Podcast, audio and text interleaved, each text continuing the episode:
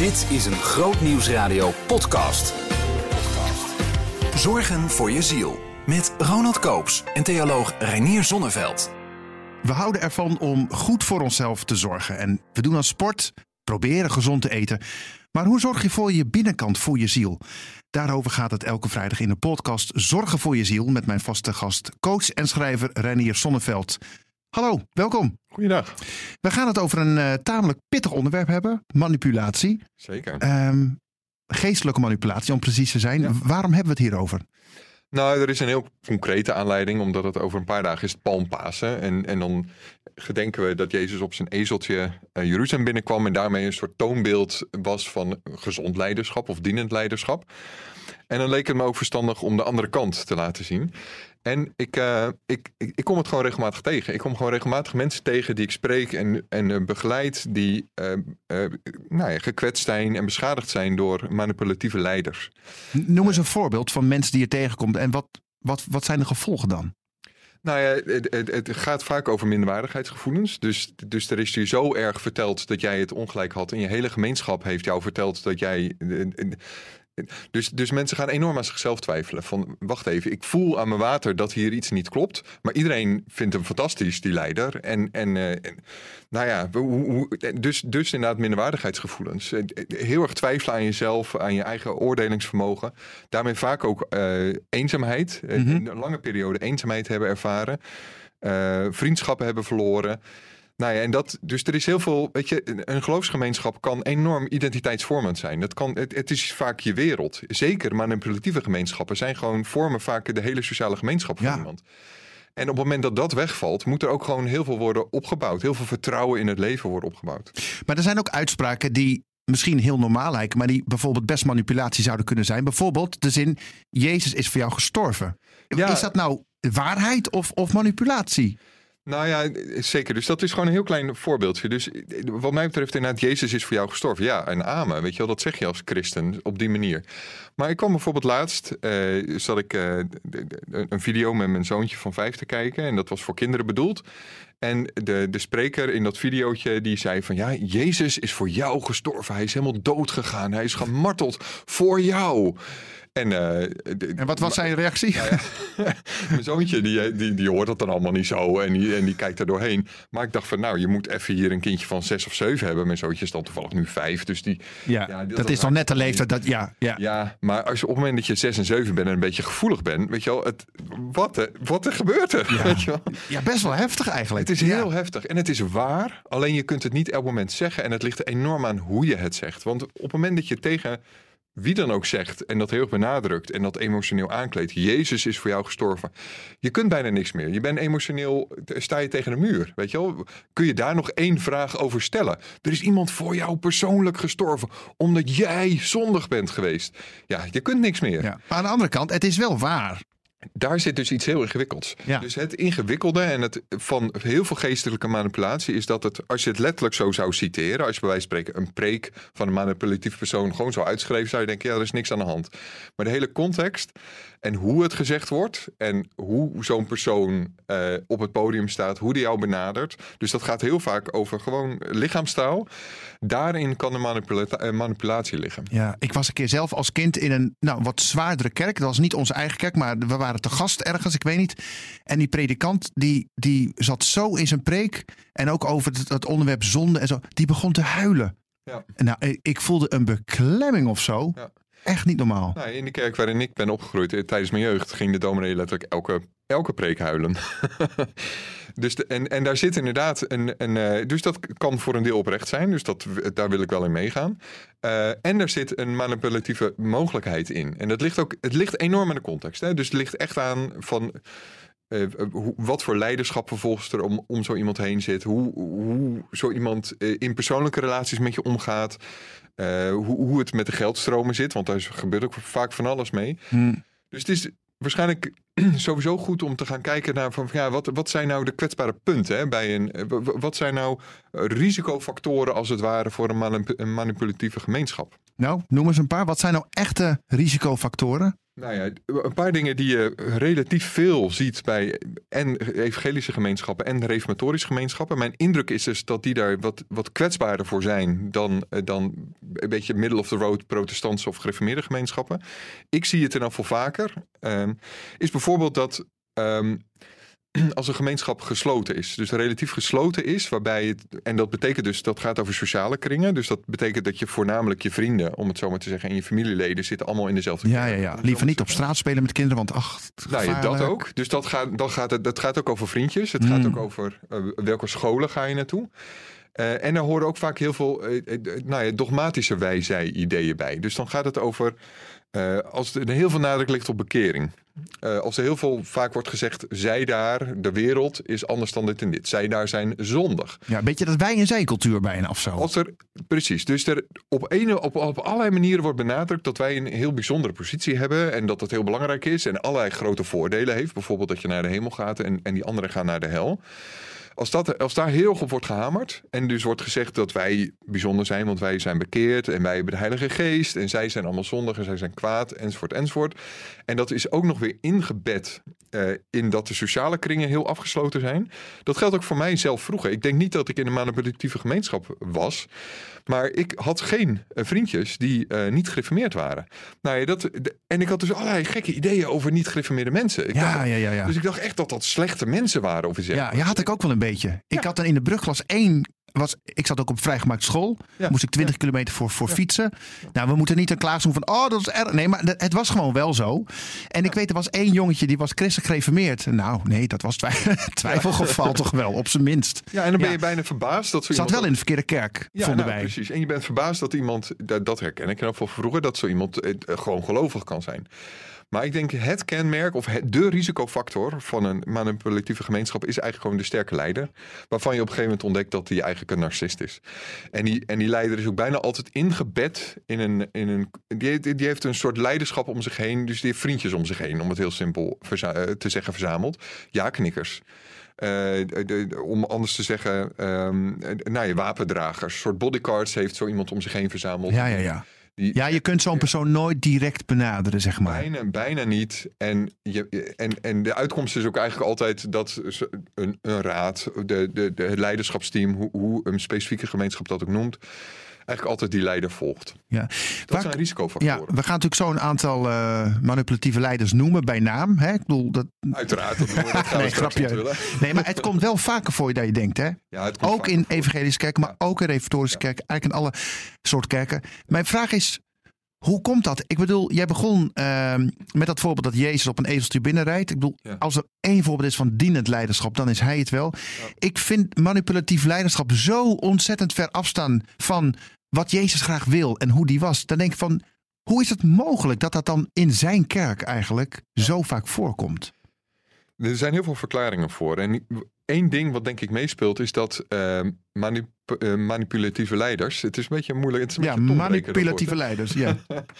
uh, dat het uh, vaak best wel getalenteerde mensen zijn. Het zijn meestal ook narcisten. Maar ze hebben zich gespecialiseerd op iets waar ze heel veel succes in hebben. En dan worden ze daar ook goed in. En wat zij als enige kunnen in zo'n groep. Exact. Ja. En die gemeenschappen zijn vaak ook best succesvol. Want wat gebeurt er op het moment dat er een sterke leider is? Sowieso, die manipulatief is al of niet. Maar op het moment dat er ergens een sterk getalenteerde leider is.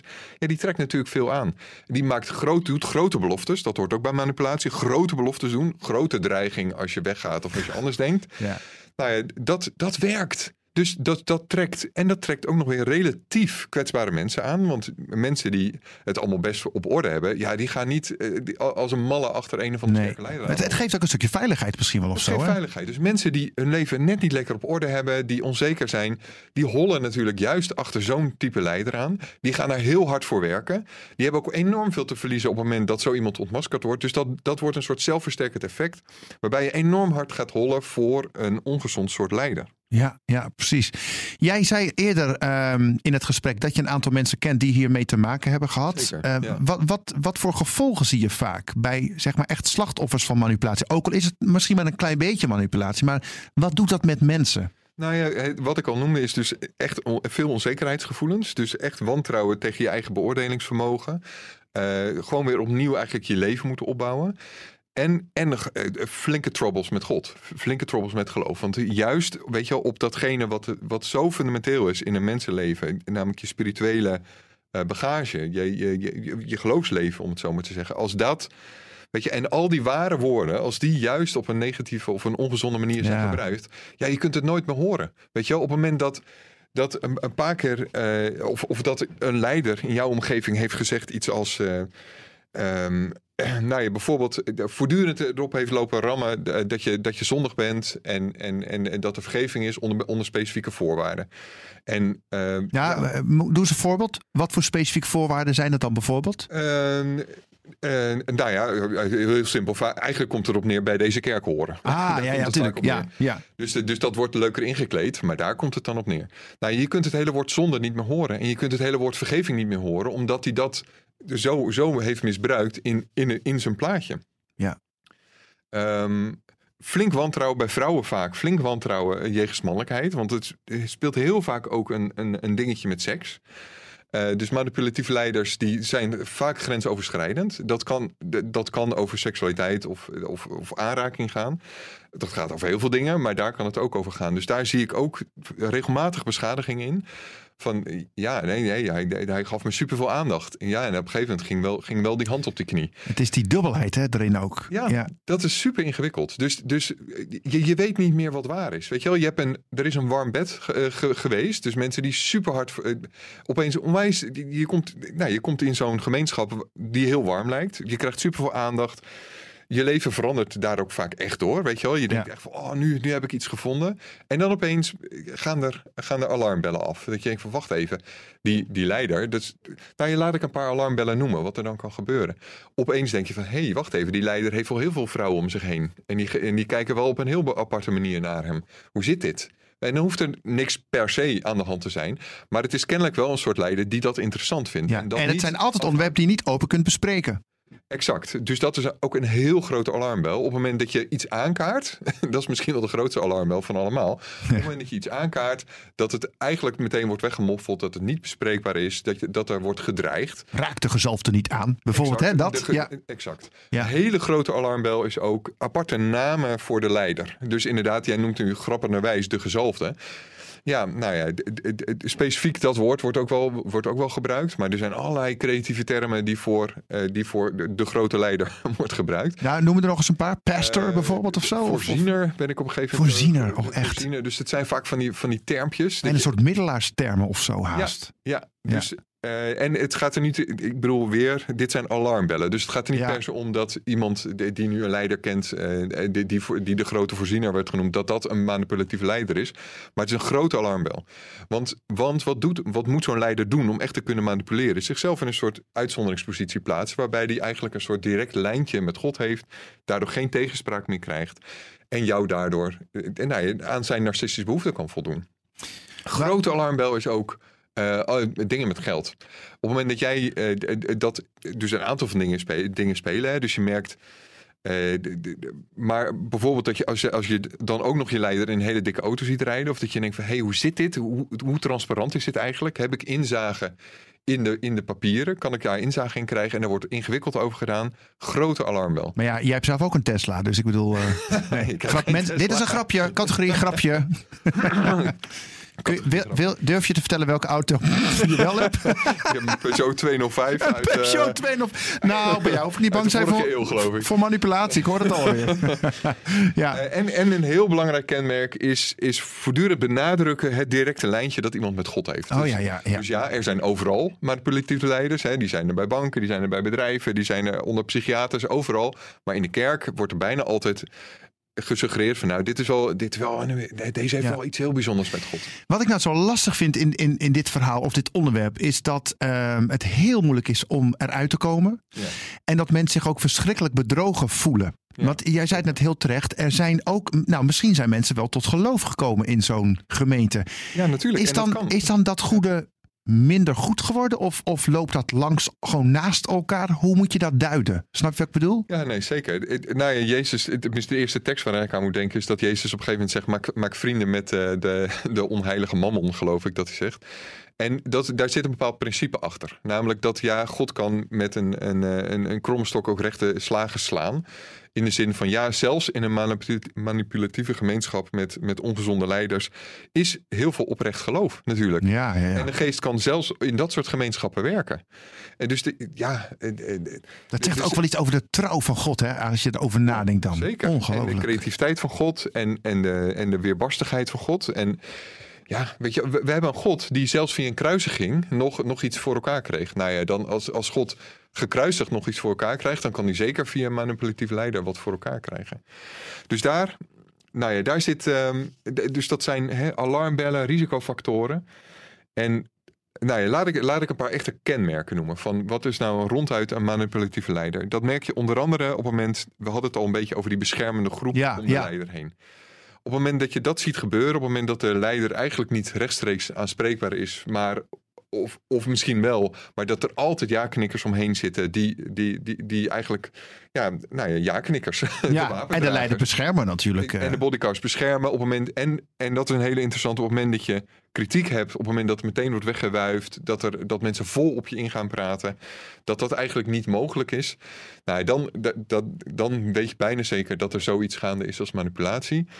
En daar hoort de keerzijde van dat, een, eh, dat de leider enorm wordt eh, opgehemeld. Dus een soort sterrenstatus voor de leider. En dat hoeft niet een popsterrenstatus te zijn. Dus ja, het, kan zijn dat de leider inderdaad en een dikke auto heeft en, en, en schoenen van ja, 1000 of hij is gewoon heel bekend omdat hij dus veel spreekt en boeken verkoopt en alles. Dat, dat, is ook een soort sterrenstatus. Ja. Ehm, maar op het moment dat daar een soort ophemelstatus over komt, dus er gaan allerlei eh, interessante anekdotes van, nou, ik heb dit met hem meegemaakt en tegen mij zei hij dat.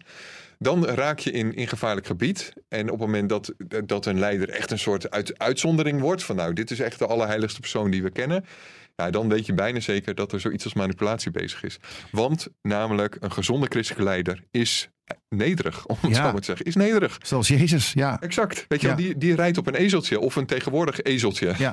Laten we ook nog vooral bespreken, want anders is het onderwerp niet rond. Maar wat kun je eraan doen? Stel je hebt het ontdekt en je wil eruit. Ja, en dan? Ik denk dat je ehm, bijna iedereen die ik ontmoet die in zo'n situatie zit, eh, die zijn al hyperkritisch op zichzelf. Hè? Want, want mensen zijn al vol op hun ingegaan.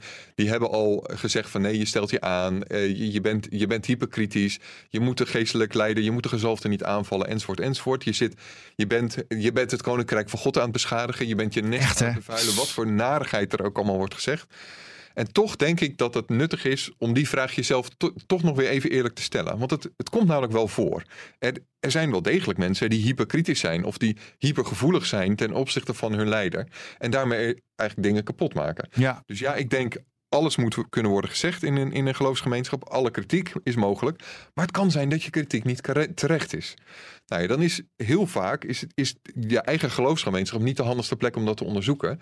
Want er is de mogelijkheid dat, hè, dat er manipulatie aan de hand is. En dan krijg je gewoon de ja-knikkers en Ja. de wapendragers en de bodyguards op je dak. Oftewel, check je eigen kritiek bij mensen buiten de geloofsgemeenschap. Dat is denk ik het eerste wat ik zou willen zeggen. Het, er is namelijk gewoon een mogelijkheid dat, je, dat de kritiek die je hebt eh, gewoon overdreven is. Dat je, dat je zelf gevoeligheden hebt van andere geloofsgemeenschappen. Dat je wat overdrijft. Het is nou eenmaal mogelijk. Dus check ja dat. dat, dat kan nu eenmaal. Ja. Dat kan nu eenmaal. En het gebeurt ook nu eenmaal. Dus, dus controleer bij vrienden, familieleden buiten de geloofsgemeenschap. Leg hun de casussen voor. Vertel hun het, het niet-pluisgevoel wat je hebt. Ik zit helemaal voor tijdens. Ben ik nou gek of eh Eigenlijk wel. zij zei eigenlijk het? wel. eigenlijk eigenlijk Ja. is dat er. Ben ik nou gek of, eh, of is de gezalfde des heren gek? Nou ja, dat, Ja, dat, ja, ja. dat is eigenlijk wat je, wat je hebt te checken. En dat kan jou ook vervolgens eh, kracht geven om, om een, andere stappen te ondernemen. Wat daar... de- de- Uiteindelijk wat het belangrijkste is, wat er nodig is, dat je het, om het een beetje geestelijk te zeggen, in het licht stelt. Dat je het Ja, ontmaskert. ontmaskeren. Ja. Oftewel, dat de waarheid gezegd wordt. Maar dat lijkt me moeilijk hoor. En dat is verdraaid moeilijk. Dus Want die dat druk is groot. Altijd, maar Nee. dat, zal, dat zal voor een deel moeten gebeuren. Dus dat betekent ofwel in je eigen geloofsgemeenschap, eh, de bestaande geloofsgemeenschap, eh, medestanders gaan zoeken. En een, en een groep gaan verzamelen in zoveel mogelijk openheid, uiteraard. Maar gewoon de vertellen: hé hey joh, ik maak me zorgen. D- hierom en hierom. eh, wat vind jij ervan? Enzovoort, enzovoort. En, is het, en kunnen we dit? Kunnen we hier wat mee? Kunnen we hier... En probeer het zo... eh, Probeer het zuiver te houden, weet je wel? Probeer niet het hatelijk te doen. Ja, die, niet... die kans is natuurlijk ook aanwezig. Dat je met elkaar, elkaar al wat erg, hè? Ja, nou, Exact, weet je wel. nuchter blijven. Van, Ja, het moet Ja. nuchter blijven. Het moet functioneel blijven. Het moet echt erover gaan dat je wil dat, dat hier iets gezonds gebeurt. Dat er, dat er de goede dingen gebeuren. En niet dat je samen het, het vreselijk gezellig hebt en samen de waarheid in pacht hebt. En dat je weer. En, en dat dat eigenlijk weer een, een nieuwe vorm van manipulatie wordt. Dat je met elkaar zit te doen. Dus hou dat zuiver. Maar het, het zal voor- vaak nodig zijn dat je medestanders zoekt. Als dat niet lukt, ja, dan, dan ga je naar buiten. Dus dan word je een soort klokkenluider. Hè?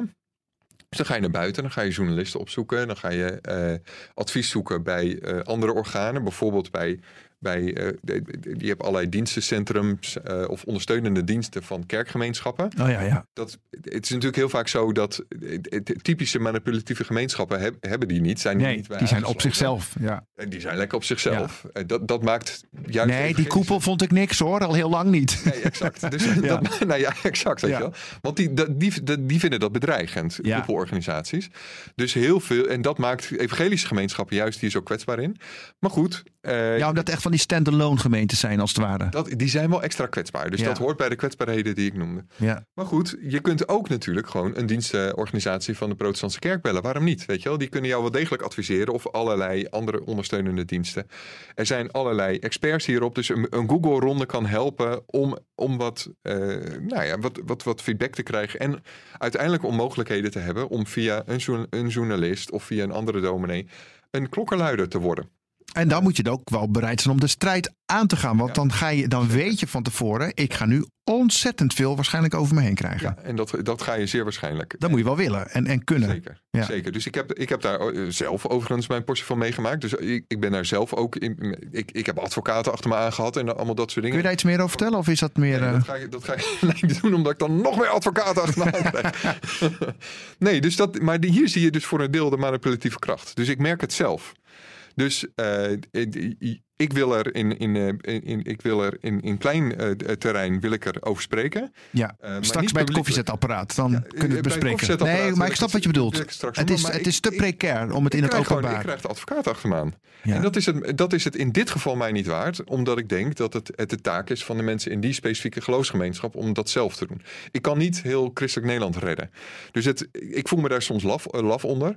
En tegelijk denk ik, de, de, de, de specifieke gemeenschappen over wie ik het heb, dat weten duizenden mensen in Nederland. Dus dat, weet je wel, dat, dat Ja. wordt wel duidelijk, zeg maar. Ja, En, een, en een kleine Google-ronde, als je op manipulatie zoekt, dan vind je de naam ook wel. Nu moet je stoppen. Nu, moet je stoppen. Want anders...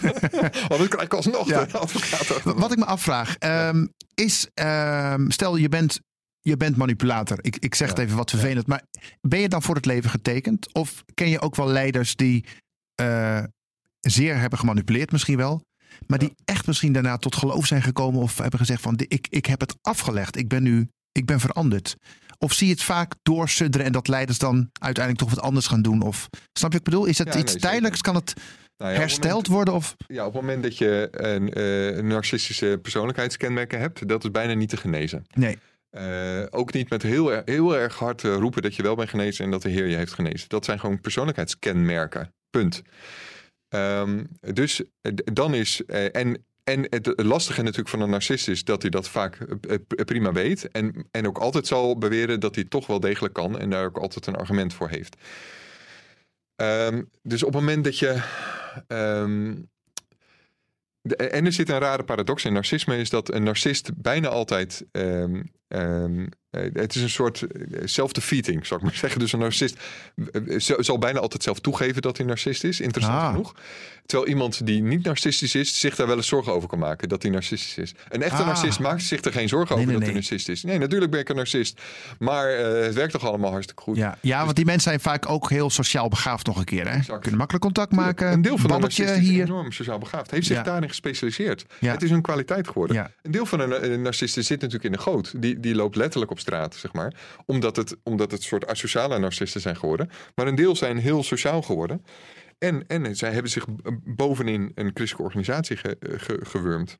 Geworsteld misschien wel. Ja, geworsteld en, en met vallen en opstaan hebben, hebben daar uh, een, een, nodige spreekwoordelijke bloed is daarbij gevloeid. Wat er in afval is gebeurd, dus bijna al die, al die leiders hebben een soort uh, hebben hun ongelukken achter zich gelaten. Dus die hebben echt een soort carrière van ongelukken. En dan komen ze in een gemeenschap waar het opeens allemaal wel werkt. Ik zou denken op het moment dat je zelf vermoedt dat je narcistische persoonlijkheidskenmerken hebt. Um, en waarschijnlijk kan het je dan niet zoveel schelen, ben je er zelfs een beetje trots op. Dan is jouw plek niet het leiderschap. Punt. Dan moet je dat gewoon niet doen. Dat maar wat dat dan is wel? De boodschap. Want dat, dat is het enige wat ze kunnen in hun eigen visie, misschien Ja, wel. en, en, en dat zul je dus niet moeten doen. Op het moment dat je dan echt een volgeling van de Heer wil zijn, dan zul je dus niet in een leiderschapspositie moeten zijn. Hooguit een onderdeel van een leiderschapsteam moeten zijn, maar eigenlijk zelfs dat niet. Op het moment dat jij narcist bent, zul je moeten volgen. Dat is de enige plek waar jij bent op het moment dat jij een volgeling van Christus wil zijn en je, en je bent narcist. Je, je kijkt er gewoon helemaal streng bij. Ja, ik, ik kan het omdat, het omdat ik het maar streng moet zeggen. Uh, omdat ik er, ik, ik heb het te vaak mis zien gaan en ik heb te vaak mensen heel hard zien beloven dat ze het deze keer wel goed, uh, goed gaan doen. Maar waarom is dat dan? Waarom juist alleen die plek? Wat, wat, wat, wat brengt dat hun dan? Of nou ja, leg eens uit. Is, het, Donald Trump is daar een, het, het voorbeeld van, of de, de, de narcist die we allemaal kennen, zeg maar. Een narcist heeft voortdurend bevestiging en aandacht en, en, en, en nodig. Dus die zal zich elke keer op die plek uh, willen bewegen. Ah. En elke keer brokken bij maken. Dat is de persoonlijkheidsstructuur. Ja. Ja, en dat is dus de enige plek waar je dus niet moet zijn, omdat die drang te sterk is. Maar goed. Dat zal zo'n persoon nooit snappen dan. Ik bedoel, jij kan er wel honderd keer tegen hem zeggen van nee, dat moet je niet doen. Maar die persoon zegt nee, ja, ik ben geboren leider of zo, weet je wel. Nou ja, dan, dan is misschien vooral de oproep aan de omgeving van narcisten. om dat vreselijk duidelijk tegen die persoon te zeggen. Op het moment dat je, dat je doorhebt dat iemand dat is, en dat geeft iemand vaak zelf toe, dat, iemand een, dat hij zelf een narcist is, met enige trots. Uh, van ja, ja, ik heb, ik heb natuurlijk wel iets narcistisch, maar bla bla bla. bla. ja, ja je, babbel, je kent ze, je ja. kent ze, weet Ja. je wel. Uh, dan, dan is dat niet een, dan, dan weet je dat dat niet een, iemand is die een, le een leiderschapsrol moet hebben. Helaas. Nee. Pijnlijk. Hoeveel talenten diegene ook heeft. Er zullen brokken bij vallen en die brokken zijn te groot. En daarvoor is het Koninkrijk van God te kostbaar. Te kostbaar. Ja. Dankjewel voor dit gesprek. Was mooi. Um, volgende podcast gaan we het hebben over Pasen. Dan Ja. is dat een Goede Vrijdag. Ja, inderdaad. Tipje van de sluier. Nou, we gaan het over hebben van eh, eh, überhaupt wat is er nou gebeurd ten diepste. Het verhaal eh, zullen de meeste luisteraars eh, eh, kennen. Eh, wat is er ten diepste gebeurd en wat, en wat heb je eraan? Voor gewoon in het dagelijks leven. Wat doet het ertoe dat er ooit... Dat de 2000 jaar geleden, zeg maar. Exact, dat Ja. ooit de Messias is gekruisigd en is opgestaan. Ik ben benieuwd. We gaan elkaar spreken. Dankjewel. Vanuit. Luister ook elke vrijdag naar de rubriek Zorgen voor je ziel in de Nieuwe Morgen. bij Grootnieuws Radio. Behoefte aan meer? Grootnieuwsradio.nl slash podcast.